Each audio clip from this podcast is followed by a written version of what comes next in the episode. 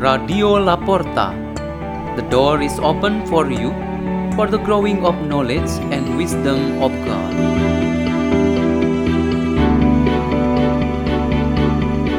Delivered by Father Peter Tukan SDB from the Salesian Community in Labuan Bajo, Diocese of Ruteng.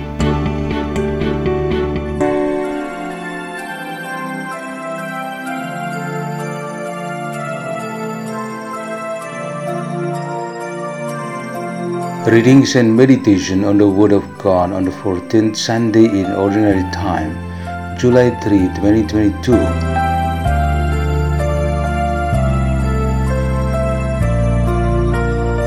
The reading is taken from the book of the prophet Isaiah.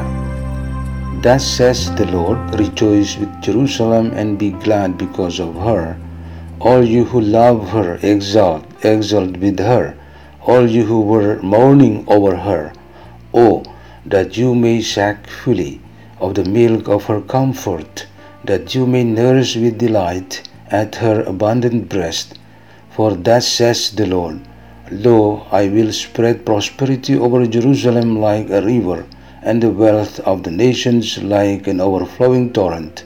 As nurslings you shall be carried in her arms, and fondled in her lap as a mother comforts her child, so will I comfort you. In Jerusalem you shall find your comfort. When you see this, your hearts shall rejoice, and your bodies flourish like the grass. The Lord's power shall be known to his servants. The word of the Lord.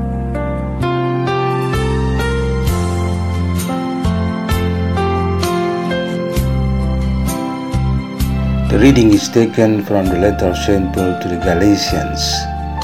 Brothers and sisters, may I never boast except in the cross of our Lord Jesus Christ, through which the world has been crucified to me, and I to the world. For neither does circumcision mean anything, nor does uncircumcision, but only a new creation. Peace and mercy be to all who follow this rule and to the Israel of God. From now on, let no one make troubles for me, for I bear the marks of Jesus on my body. The grace of our Lord Jesus Christ be your spirit, brothers and sisters. Amen. The word of the Lord.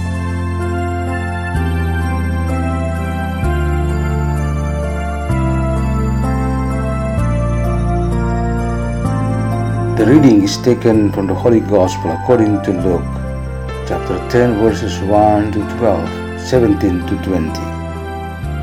At that time, the Lord appointed 72 others, whom he sent ahead of him in pairs to every town and place he intended to visit. He said to them, The harvest is abundant, but the laborers are few. So ask the master of the harvest to send out laborers for his harvest. Go on your way, behold, I am sending you like lambs among wolves. Carry no money bag, no sack, no sandals, and greet no one along the way. Into whatever house you enter, first say, Peace to this household. If a peaceful person lives there, your peace will rest on him, but if not, it will return to you. Stay in the same house and eat and drink what is offered to you for the laborer deserves his payment. Do not move about from one house to another. Whatever town you enter and they welcome you, eat what is set before you.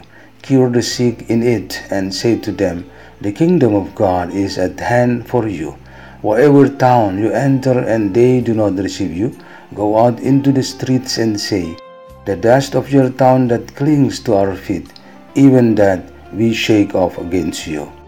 Yet know this the kingdom of God is at hand. I tell you, it will be more tolerable for Sodom on that day than for that town. The seventy two returned rejoicing and said, Lord, even the demons are subject to us because of your name. Jesus said, I have observed Satan fall like lightning from the sky. Behold, I have given you the power to tread upon serpents and scorpions and upon the full force of the enemy, and nothing will harm you. Nevertheless, Do not rejoice because the spirits are subject to you, but rejoice because your names are written in heaven. The Gospel of the Lord.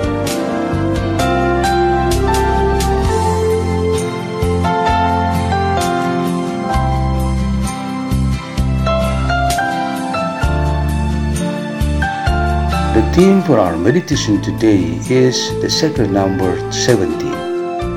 In the scriptures, there are many numbers that are used to indicate important meanings about God's plan and work. One of them is number 70. In the Gospel reading today, it is said that Jesus Christ appointed and sent 70 of his disciples. Their job was to become servants of the Word of God.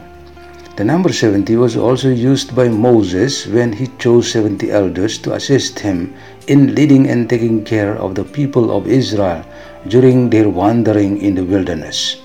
The body of Sanhedrin, the leadership of Israel as a nation, is a composition of council with 70 members. In Jesus' time, this number of 70 was a symbol to indicate that in this world there were 70 nations. Therefore, Jesus sent the 70 disciples to each nation as apostles of the good news of God to them. The assignments for the mission were indeed given priority to the 70 disciples, but we need to be honest that the contents of the mission in the form of Jesus' commandments also apply to us. In the end of the Eucharistic celebration and worship services, we are always sent to our Christian missions. The contents of the mission are in the form of instructions on how we can carry out our task as messengers of the Lord. A messenger of Jesus must be a person who uses smartness and intelligence. This element requires that each messenger must have basic knowledge of the Lord Jesus Christ and the teachings of the Church that have become our sacred tradition. A messenger must equip himself with the fullness of love, a selfless love, so that in every form of the sacrifice of oneself, he truly presents Jesus Christ himself. The messenger is wanted by God as a peacemaker because it is a way to achieve a common living together where there is a life that is just, harmonious, and solid. A messenger is expected not to depend his life on mere worldly facilities and goods such as money, clothes, and food. All that, according to the Lord Jesus, is already available in places and people to whom the messengers associate in their missions. Therefore, the messenger needs to prioritize a simple lifestyle, meaning he depends entirely on divine providence. In essence, a messenger works not for profit, but for saving souls and for the glory of God. But Jesus emphasizes that if people do not accept all the preaching, ministry, and work of the messengers, they are actually provide punishment for themselves and their own lives. Let's pray. In the name of the Father, and of the Son, and of the Holy Spirit. Amen. O most loving God, may we grow and renew ourselves as your trusted messengers. Our Father who art in heaven, hallowed be thy name. Thy kingdom come, thy will be done on earth as it is in heaven. Give us this day our daily bread and forgive us our trespasses as we forgive those who trespass against us. And lead us not into temptation, but deliver us from evil. Amen. In the name of the Father, and of the Son, and of the Holy Spirit. Amen. Radio La Porta. The door is open for you.